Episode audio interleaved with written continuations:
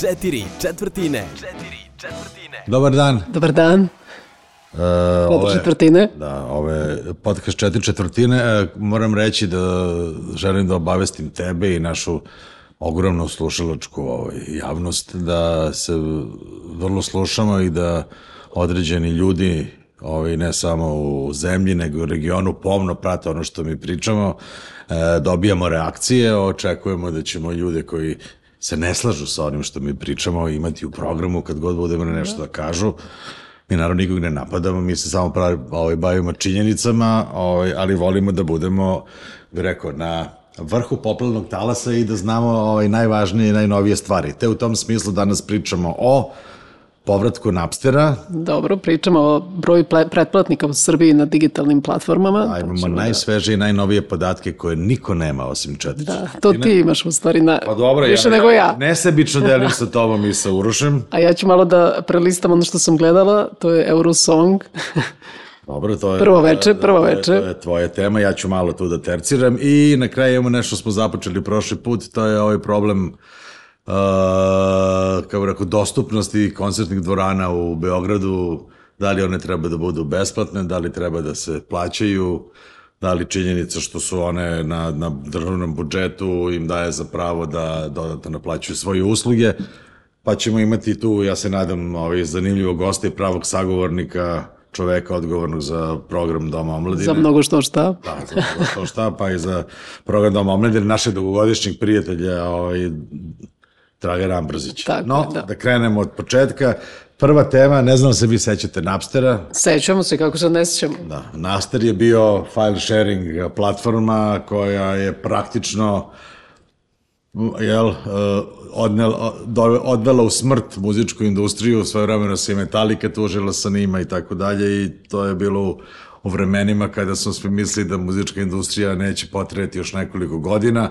Evo, deseta godina kasnije, svi smo zaboravili na Napster po, pored Spotify, Apple Musica, Deezera, YouTube i ostalog. Međutim, Napster se povampirio, nekoga je kupio i on se vraća u igru kao jedna streaming platforma koja neće samo imati muziku, nego i neke druge sadržaje ovaj, kojima će se streamovati, koji će se streamovati na platformi kao što su dokumentarni programi, igrane serije i tako dalje i tako dalje, ali što je mene iznenadilo, zanimljivo da Napster i dalje ima preko 5 miliona korisnika i mesečni prihod od skoro 8 miliona dolara, što je apsolutno fantastično. Ja ne, ne poznam nikog lično ko je na Napsteru, ko koristi Napsterove usluge, ili ti koristiš Napster? Ne, ne. Ti? Ne. Da, vidiš, zanimljivo, da, potpuno ono, kako bih rekao, uh, glas iz prošlosti se vraća. Mislim, ti si to ipak bili dosta onako zanimljivi u svom trenutku, napravili su neku novu paradigmu o tome kako se ovaj, muzika ovaj, distribuira i, i razmenjuje među korisnicima, naravno što je to, to je bilo vrlo uh, vrlo bolno za muzičku industriju u tom trenutku, ali mi zanima kako će da se izbore sa, na sadašnjem tržištu i da li će uspjeti da prežive, ali ja to pozdravio. Što više streaming platformi, to bolje što se mene tiče. Šta ti kažeš, Maja? Pa znaš šta, ja e, slabo stojim i sa jednom, tako da... da li koristiš i jednu? Ja ću da, ja ću da tražim da, da naš sponsor veliki obezbedi budžet. Tako da, od 10 eura mesečno za, za ali Spotify. jednu streaming plat, moraš da dobiješ Spotify od, od nas. Evo, sponzori, javite se, evo, ja, ne, zainteresovani. Evo, ja sam, ja, ovaj, ja ću te sponzorisati lično, možeš da imaš, nema, nema smisla. Mi pričamo o tome non stop, ti ne koristiš Spotify. Čekaj, ubedi me do kraja uh, serijala i uh, verovatno će naši slušalci, a i ja da se bregu. Na CD-u, šta? Slušam dosta na YouTube-u. Na YouTube? Sa sve reklamama. Što ne platiš bar onaj YouTube premium? Nećeš Ne dam. pa čekaj. Ne, šalim se, imamo da Amazon Music. Imaš Amazon Music? Pa ti si stvarno onako niš, niš, niš market. Na Amazon Music je mislim da u Srbiji pored tebe koriste još dvoje ljudi. Tačno, jedan je naš tonac. I za koristiš njega. Amazon Music. Stvarno? I si zadovoljan? Sasvim. A si probao neke druge? Da, koristim ja sve. Ja koristim i Deezer, i Spotify, i Amazon Music. Jedino što ne koristim, Tidal ne koristim. Dobro, ono će da plati. Pa, zašto, kako, et, mene zanima, ja koristim, ist- ja koristim četiri i plaćam četiri pretplate, što je potpuno suludo. Ovaj, a ne znam ni ja zašto. Stvari ja pokušavam da smislim zašto to koristim. Prvo sam imao sam, prvo sam pronašao na kome je najbolji zvuk, moram reći da je na Tidalu najbolji zvuk na onom masteru, kad pratiš premium pretplatu, to odgovorno tvrdim, a apsolutno najbolje zvuči. Uh, a ove druge, ne znam ja zašto, mislim da ću nešto početi da, ovaj, nešto ću ukinuti, ne mogu da imam četiri. Ovaj. Koliko plaćaš ti to mesečno sve, ajde. Ne znam, to sve izađe zajedno, ne znam, 5, 6, ne znam, 10, 15, 20 eura sigurno. I više, ako je četiri, Pa 4 po, po, po 5, 6 eura, to je to. pa preko 20. Mislim, ja sam ozbiljan istraživač. A dobro, ajde, zato ti verujemo u statistiku. Aj kad si kod ove- statistike, hoćeš da nam kažeš o broju imam pretplatnika. najsvežije To je druga tema. O, o Srbiji, znači Srbija je nažalost kao i mnogim drugim stvarima na samom repu ove digitalne revolucije. Naša penetracija ovih digitalnih servisa je jako mala, negde je ispod 0,5% u odnosu na broj stanovnika, ali nema veze. Evo, čuli smo i mene. Stvari, Ne dam. Neke, ne, evo vidiš, stvarno. Znači, molim te, e, imaš od sledećeg, ovaj, od sledeće emisije, epizode ćeš imati pet evra pretplatu. mesečno. Imaćeš pretplatu, moj lični poklon tebi, da te uvedem u digitalni svet, ne možemo ovako da živimo stvarno, razumeš ti u nekom arhaičnom, ono, srednjem veku, ja u 21. Raspašće nam se ovo partnerstvo u podcastu. Ali, cifre su sledeće. Što se tiče plaćenih, odnosno ljudi koji plaćaju pretplatu, uh, vrlo je zanimljivo, Spotify u ovom trenutku dramatično vodi. U Srbiji ima 38.330 pretplatnika koji mesečno plaćaju Spotify. Uh, Apple Music ima 3085 pretplatnika i Deezer ima 7236 pretplatnika. Svi oni su u odnosu na prethodni mesec ovaj, napravili neki rast, s tim što je najozbiljniji rast kod, kod Spotify-a, nekih 9%, kod uh, Apple Music je samo 0,7% i kod Deezera 1,9%. Bitno je da je rast, znači da da pretplatnici ne beže. Što se tiče korisnika koji ne plaćaju, znači koji su na onom free tire-u, takozvanom, koji mor, mogu da slušaju muziku uz reklame i tako dalje, imaju ograničenja ovaj, u broju stvari koje mogu da streamuju. Situacija je sledeća. Spotify je prešao magičnu cifru od 200.000. Fantastična vest. Ima tačno 200.791 korisnik free tire na Spotify-u. Na Apple Musicu samo 1867, a na Deezeru 38.016. To isto sve beleži neki e, rast kod Spotify-a prilično dramatičan, koji, se, koji je 51%, ne znam kako su došli do ovoga, ali tako kaže statistika. Uh, Apple Music je porastao 0,5% i Deezer 12,2%. I imamo treće, treću vrstu pretplatnika, to su oni koji su vezani takozvani hard bundle dealovima, to je uh, ovo, ovo kod nas je to slučaj sa Telenorom, odnosno sada kako se zovu, ne znam ja. Jetel. Jetel, ovaj, gde, gde, gde, gde korisnici Jetelovih telekomunikacijnih usluga ovaj, imaju pristup Deezeru, njih ima u ovom trenutku tačno 90.799. Tako da, i to je neki blagi rast, u prethodnom mesecu ih je bilo 88.000, tako da je to bitno je da to sve stalno raste i da se broj ukupnih pretplatnika stalno povećava. Naravno, Spotify je tu o, jel, lider što je bilo i očekivano i prosto ja pozivam sve da počnu da koriste plaćene ovaj, streaming servise jer to dramatično poboljšava situaciju u muzičkoj industriji. Pogotovo tvog I dobro je. Da, da, dobro je da rastemo, trebali bi da rastemo malo brže, ovaj, da bismo svi bili srećni i zadovoljni oko toga, ali ovo je već nekako je o, dobar pokazatelj. Još jedan servis je dostupan u Srbiji, to je čuveni Tidal, koji na svetskom nivou ima relativno malo korisnika, njegovo učešće se meri u, u jednocifrenim brojevima u procentima. On ovde, njegov, nažalost, broj pretplatnika se meri u stotinama i dalje u, Srbiji, mada ja, eto, slušam često Tidal, ali ima najbolji zvuk, tako da... Dobro, čekaj, koja ti je omiljena ta platforma, a osim, Znaš kako, evo, ovaj se rekao... playlistinga ovako, što se tiče playlista, Spotify je apsolutno broj jedan, znači kvalitet playlista i onoga i, i, i algoritam i, i ono što algori- algoritam preporučuje za slušanje, mislim da je daleko najnapredniji, najefikasniji, najuspešniji Spotify. ovaj, to mu je negde i omogućilo da ima lidersku poziciju u svetu ili je prosto naj, rekao, najadekvatnija streaming platforma.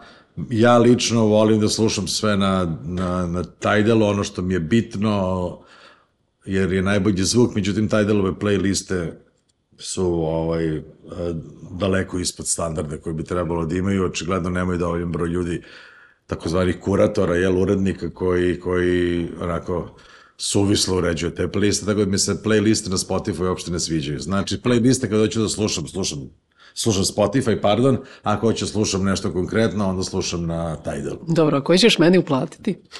E, pa ti možeš da biraš sada, da li hoćeš da ja mogu da ti ponudim Tidal ili, ili Spotify. Pa ti odluči, evo, kaži sad. A, Spotify. Bravo. Znači, e, Maja Cvetković je dobila pretplatu na Spotify. Za koliko meseci? Kad ima plavu. Ne, ne, dobit ćeš forever, O, forever. što se mene tiče. Mislim, stvarno ne, ne možemo ovako više, je li tako? Možemo da budemo tako tehnološki zaostali. I, I ja ne znam koji broj ljudi je prešao na ovaj premium YouTube u Srbiji, to mi nije, nemam još uvek te podatke, ali pokušat ću ovaj, i do toga da dođem. U svakom slučaju, ovo su dobri pokazatelji, prihodi na streaming servisima rastu, vole bi da budu brži, ali evo, nije ni ovo tako loše. Ajde sad ti statistiko, ja te pitam, na primjer, e, juče na Eurosongu, a nema da gledaš u kompjuter ni u telefon, je svirala, e, pevala je Portugalija, bila je u takmičarskom delu, prošle, je, postavljeno je, pesma je postavljena pre, sad ću da ti kažem, 18 sati, šta misliš koliko pregleda ima? 3 miliona. Portugalija ne. Portugalija ima 358.000. 358 Da, a pritom je jedna od najboljih pesama za mene, po meni. A sad ne znam za Moldaviju, ali a šta misliš koliko Ukrajina ima? Pa on ima ovdje 3 miliona. Dobro, ima milion i po, nema. Milion i- Milion i, To je sve 1,4. daleko ispod uh, balkanskih hitova. Oni, Pa dobro, naravno, ali pazi, hitovi ne 18 može sati, da. Da, da. 18 sati je prošlo, a dobro da su Buba, Koreli Da, i pa- ekipa postavili, bilo bi to 10 miliona. Da, pa da, verovatno, znači ja stvarno ne dovodim u pitanje ničiju popularnost, samo mislim da je, da, da je ta, preterana promocija ovaj, na Balkanu prosto podigla te, taj prag tolerancije jako visoko i da se stvari cela muzička industrija besmisleno troši te novce ovaj, za, za silnu promociju na YouTube-u koje se mere u hiljadama evra po svakom izdatom singlu, što je potpuno suludo i te pare nikad ne mogu da se vrate, ali takva je situacija na balkanskom tržištu, tako da to moramo da prihvatimo. Ali ovo je realnost, mada mi se čini, obzirom da je to jel, panevropski, ajde kažeš, neko, neko tržište, da čudno mi je da ima samo 350.000, mislim. Ili smo mi ovde zaista naviknuti onako na te sulude To je za brojke. 18 sati. Da. Da, Eurovizija je popularna u Australiji, da, da. Oni tu imaju tu, tu, tu konekciju. Evo da vidimo. Albanija, Commonwealth, znaš. Albanija pre 19 sati, 1 milion. E, albanska muzika, ti, ti znaš da je albanska muzika post, postaje sve popularnije i popularnije poslednjih par godina? To mi je jasno, pogotovo... to, da. mislim, ne samo Dua Lipa i ove, ove, ove mega star ekipa, međutim, uopšte balkanska muzika i uopšte taj melos koji, do, koji dolazi odatle i taj, taj, ta stilizacija koja dolazi iz Albanije je jako popularna čak i na domaćem tržištu sve više i više i puno albanskih kompozitora uspeva da plasira svoju muziku na ovaj, i u Srbiji puno pesama koje danas ćeš čuti ovaj, na tom estradnom nebu, ajde da kažem tako da se kolokvijalno izrazim, e, dosta sve više i više kompozitora dolazi iz Albanije. Kaži ti meni, nisi gledao Eu- Eurosong? Pa e, malo sam premotavao, moram reći, da, moram reći da sam bio šokiran koliko je sve bilo loše, osim tih Portugalaca koji su, čini mi se, imali neku suvislu, suvislu pesmu i to je sve delovalo. Ok, ovo mi je stvarno bilo strašno. Mislim, baš je bilo onako na nivou neke komične predstave, bez veze, mislim, glup. On, bez stila, tako bez veze, žovijalno, bez ikakve dubine, mislim, ništa. Pa dobro, ali baš kao i uvek. Pa nije, ne, nije uvek tako, ne znam, ili, ili, ili mi zaboravimo, jel? Jer ne znam, je bila prošle godine Eurovizija? Nije. Bila je. Ali bila pretprošle, ovo COVID i to. Nemam pojma. Uh, ne, bilo, je- bilo je stvarno bez veze. Ja se nadam da će ovo drugo, ovaj, ne, ovo drugo polovreme, jel drugo polufinalno veče biti malo zanimljivije, ali vidi to našem predstavniku, koliko ja shvatam sada, da je ovaj, daje neke šanse da se bolje plasira, pošto mi se čini da je to bar zanimljivije ovom, ovom vizualnom delu, taj koncept koji oni tamo, koji oni tamo izvode. Ne znam. Da, ja sam čitala da je na Spotify najslušanija Italija, Da. to sam negdje čitala, a da veliki broj misli da će Ukrajina da pobedi iz političkih A razloga. dobro, to je sada, da, to je, da, veliki broj ljudi misli će Ukrajina zato što zbog, zbog rata koji trenutno traje, zbog te neke, ajde, bezrezervne podrške Ukrajincima u ovom sukobu, što verovatno ima ovaj, puno, raz, puno opravdanja za tako nešto, ali mislim da to neće biti tako. Ali znaš da je u Americi bila Eurovizija? To jest, mislim, e, američka pesma nije baš Eurovizija, nego pesma, a, a pesma Amerike. E, Znam da su oni da su oni postali deo takmičenja. Ja moram reći, ja mislim da je ono ono što ono što sam ja čuo, ne znam da li on nastupao juče, Sam Ryder, ovaj britanski predstavnik, mislim da je dosta dobar. Jesi ti obratila pažnju na to? Ne, ne, bio nisam. gost i bio u Beogradu. Nisam, nisam to. Bio u Beogradu, promovisao je ovaj, svoju pesmu. Meni se čini da će on, ne verujem da će pobediti, ali čini mi se da će, da će dosta dobro proći, da će pesma biti hit. Mislim, pošto pesma je dobra, onako jedna, onako, retro šik uh, pesma na tragu Queena i Elton Johna, tako da meni on recimo o, jedan od favorita koji mislim da će se dosta visoko plasirati, ovi Portugalci, mislim da će, da će i naš predstavnik obzirom na ovo što sam video ovaj, u prvoj polufinalnoj večeri, da ima šanse da, da, da zabeleži dosta dobar rezultat. Pa ima u odnosu na Moldaviju, ne znam da si gledao Moldaviju. Ne gledao sam, ne, Moldavija je stvarno bila. gledao sam i ove, ti rekao ono bizar. ja sam ove Baltičke ove republike gore, ovo, ovo Letoniju, Litvaniju, mislim, ne, mislim, ne znam, ne znam šta da kažem. Znaš, to je, s jedne strane je to zabavno, da se gleda s druge strane, naš, stvarno to sa nekom, e, sa idejom muzike, ono što bi muzika trebalo da izaziva kod ljudi, a da nije samo, jel, ono, kafana i skakanje po stolu, zaista nema nikakve veze. Znači, naš emotivno ta muzika ima vrednost minus beskonačno. Mislim, osim ovih Portugalaca, to je stvarno okej. Tako je, tako je. Ajde ništa da, da se bacimo na ovu temu koju smo počeli prošle nedelje. To su e, koncertne sale, mladi bendovi. E, I da zovemo Dragana Ambrozića. Misliš da će se javiti? Molim, E, čao Dragane, Maja ovde, Loka ovde. Ćao, Dragane. poštovanja, kako ste? Evo, dobrodošao u naš podcast. Zove se Četiri četvrtine, ne znam da li si nekad slušao. Imamo uglavnom četiri teme, ali sad smo jednu vezali za koncertne prostore. I Loka hoće nešto da te pita. Slobodno. Uh, uh, ćao, Dragane. Imamo, uh, razmišljali smo nešto i pričali smo s mnogim izvođačima i pitamo se sledeće. Uh, zašto uh, ove institucije kao što su Dom omladine, SKC, uh, Kulturni centar grada Beograda, obzirom da su institucije koje su na budžetu, zašto one uh, izdaju svoj prostor za, za pare izvođačima koji hoće tamo da sviraju? Da bi mogli oni tamo da sviraju recimo bez naknade? Pogotovo mladi. Mladi posebno.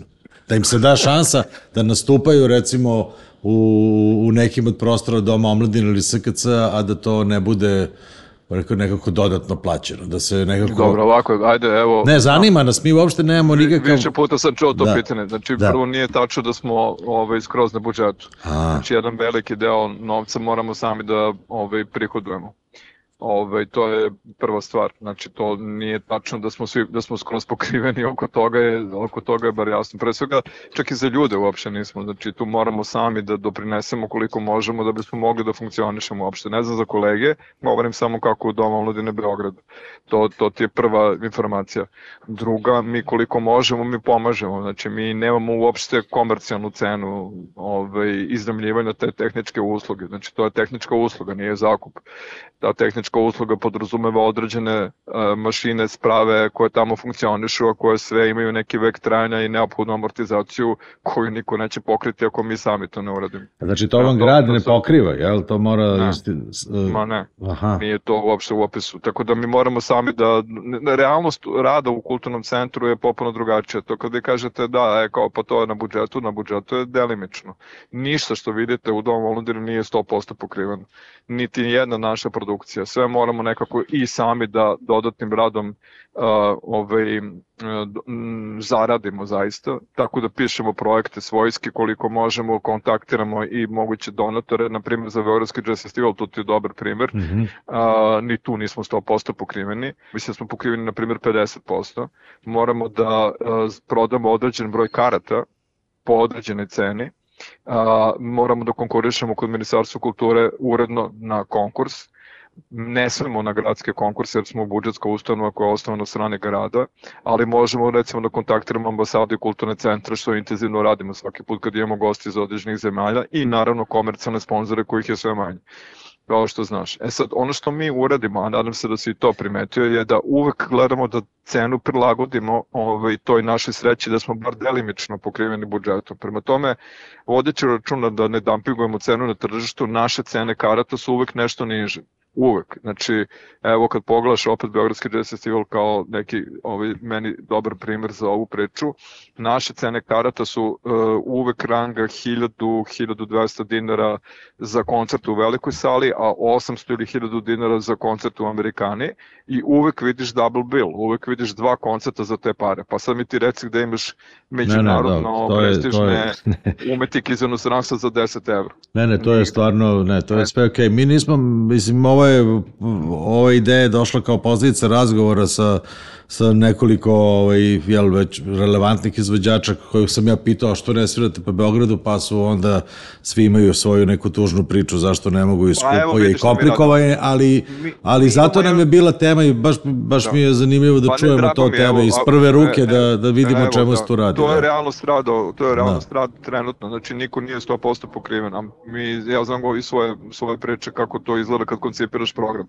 Mi sa druge strane gledamo da to nešto budžeta koje imamo potrošimo i na domaće grupe. Sad, naravno, većina domaćih grupa se sama prijavi i sama radi koncerte, ali u nekim situacijama kao što je ovaj serija koncerta koja mislim postoji već uh, skoro deceniju u koncerti na Zidiću, ovaj, mhm. namerno ih radimo sa alternativnim, sa ne, novim talentima, sa bendovima koji su različiti žanra, rock, jazz, blues i tako dalje, ali uglavnom s, muzika koja je da, da, to je odlična inicijativa, to je super da, inicijativa. I tu dobijaju svim neki mali honorar i tu pokušamo da ih izvučemo, da im damo neki PR baš mladim talentima koji imaju autorski materijal. Takođe preko godine održimo nekoliko koncerta, onoliko koliko možemo da izvučemo iz tog budžeta za bendove koji, naročito pazimo da bendovi koji su recimo na ivici da prerastu klubić, da im mhm. pomognemo da pređu Amerikanu ili za Amerikanu u veliku salu, u svakom slučaju da, da im pomognemo da odu stepen više. Mi možemo da uradimo 5-6 takvih koncerta godišnje sa budžetom koji nam je odobren, ali to sistematski radimo jer je negde naša odgovornost i naša ovaj, logika postojena da kao kulturni centar podižemo malo scenu. Naravno, kad neko dođe dotle može da proda Amerikanu 700-800 karata, on čovek sam hoće da uradi svoj koncert jer ima objektivno interes da to da uradi, a mi ono što tražimo je da nam pokriju te tehnološki minimum i to nije neka velika cifra, mislim radi se o mislim 60.000 dinara za Amerikanu, to je stvarno za ove potpuno opremljenu salu sa ljudima koji rade zaista to je minimum tehnološki, tako smo izračunali da, da nama ima smisla da to sve održavamo, a da budemo o, na korist muzičke scene. E, ja, samo ja da te pitam, objasnio. koliko često imate koncerte u onoj maloj sali, moje omiljene nekadašnje, onoj St. James? Klub. Da. U klubu, pa gledaj, mislim sad je teško reći, sad ih nije bilo zbog covid jer tamo je nemoguće napraviti distancu i mi ćemo tek na jesen krenuti ponovo, ali tamo su koncerti u principu petak, subote, ali vidiš evo sad imamo punu, punu Amerikana, imamo petak, subota od marta meseca non stop taj ritam imamo i držimo ga koliko možemo. Uh, u nekim situa nekoliko situacija smo sami doprali bukinzima i dodali, ovaj, jer mislim se tržište još nije oporavilo i da kolege, promoteri tek će na jesen reagovati, pa smo mi uradili, evo, o, o, znači mi smo početka godine 14 koncerta uradili u svojoj organizaciji pratečno, znači dva mesečna radimo ove, i gledamo da držimo, ili čak tri mesečno, ali pokušamo da držimo salu stalno aktivnom i da ona na neki način bude i za publiku uh, zanimljiva, atraktivna po programu. Mislim, uh, ne, klub će tek najse početi ponovo da živi. Tu ne može, nije moglo ništa mnogo da se uradi, jer um, takvi su uslovi bili do, do praktično do marta meseca i tu je negde, negde nešto što ćemo naravno tek da, da razvijemo opet na jesen. Nadamo se ako sve bude u redu da ćemo imati i petak i subotu uvek pun. Nama ništa nije neobično, mi non stop radimo po dva prostora, po tri prostora dnevno. Evo pogledaš sad da počine Beldox, mi ćemo imati koncepte i za vreme Beldoxa gore, tako da mi u principu imamo po dva, tri događaja dnevno posebno za vikend imamo i po četiri događaja, a, a nema dovoljno ljudi zaista nema dovoljno ljudi, tako da moramo sami na, na, da ih angažujemo da, imamo, da bismo imali dovoljno tonaca, dovoljno majstora svetla i binskih radnika. Hvala ti puno, ovo hvala. mnogo me bata svetlo na, na naše pitanje i da hvala ti na suvislom odgovoru i, kao što se kaže, keep the good work. da. O, I vidimo se u Doma Omladine uskoro. Vidimo se u Doma Omladine. Hvala ti, čao, čao. Pa dobro, To je bio Ambrozić, meni je da. delovalo ovo... A treba da zovemo ovaj SKC. Suvisla da. odgovor, da, ajde, tu, morat ćemo tu, da Tu nema ni jedan koncert već godinama. i ove druge, da, tamo nema ništa, mada moram ti reći, evo, Ovaj, bio sam sa, sa Markom Luisom neki dan, Marko Luis će tamo napraviti koncert uh, tokom juna meseca. Ovaj, on očekuje nas. Bašti ili? Bašti, u bašti. A dobro, bašta radi, ali da. sala, Aha, sala. sala je problematična. Ništa, pokušat ćemo da stupimo u kontakt sa njima. Meni ovo objašnjenje zvučalo krajnje suvislo. Nisam znao da su da nisu u potpunosti na budžetu što je jel, novost za mene i znači svi moramo da se pomalo snalazimo, ali... Onda želimo im da budu skroz na budžetu. Apsolutno.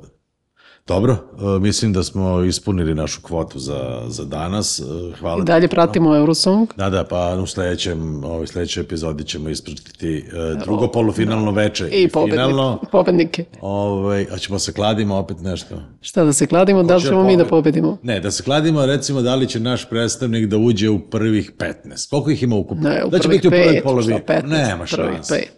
Hajde da vidimo. Kaže, ne, ajde kaži. Neće ući u finale, imamo je. Evo, Dobro. Ne tu je da Dule, ajde, pa ćemo. Da. Dule kaže neće ući u finale, e, Uroš kaže...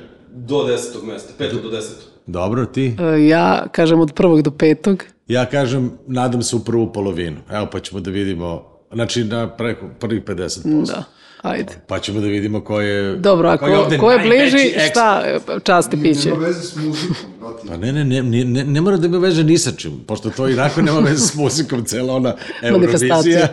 ovaj, ali nema veze, evo mi imamo mali ovde, kako se zove, pool, pa ćemo da vidimo šta i kako. Ko pobedi časti piće. Ajde, ko pobedi časti piće, e, čujemo se sledeće subote da vidimo I uživajte u lepom vremenu, najzad je došlo proleće i naravno slušajte strašan podcast Treći svet. Četiri četvrtine. Četiri četvrtine.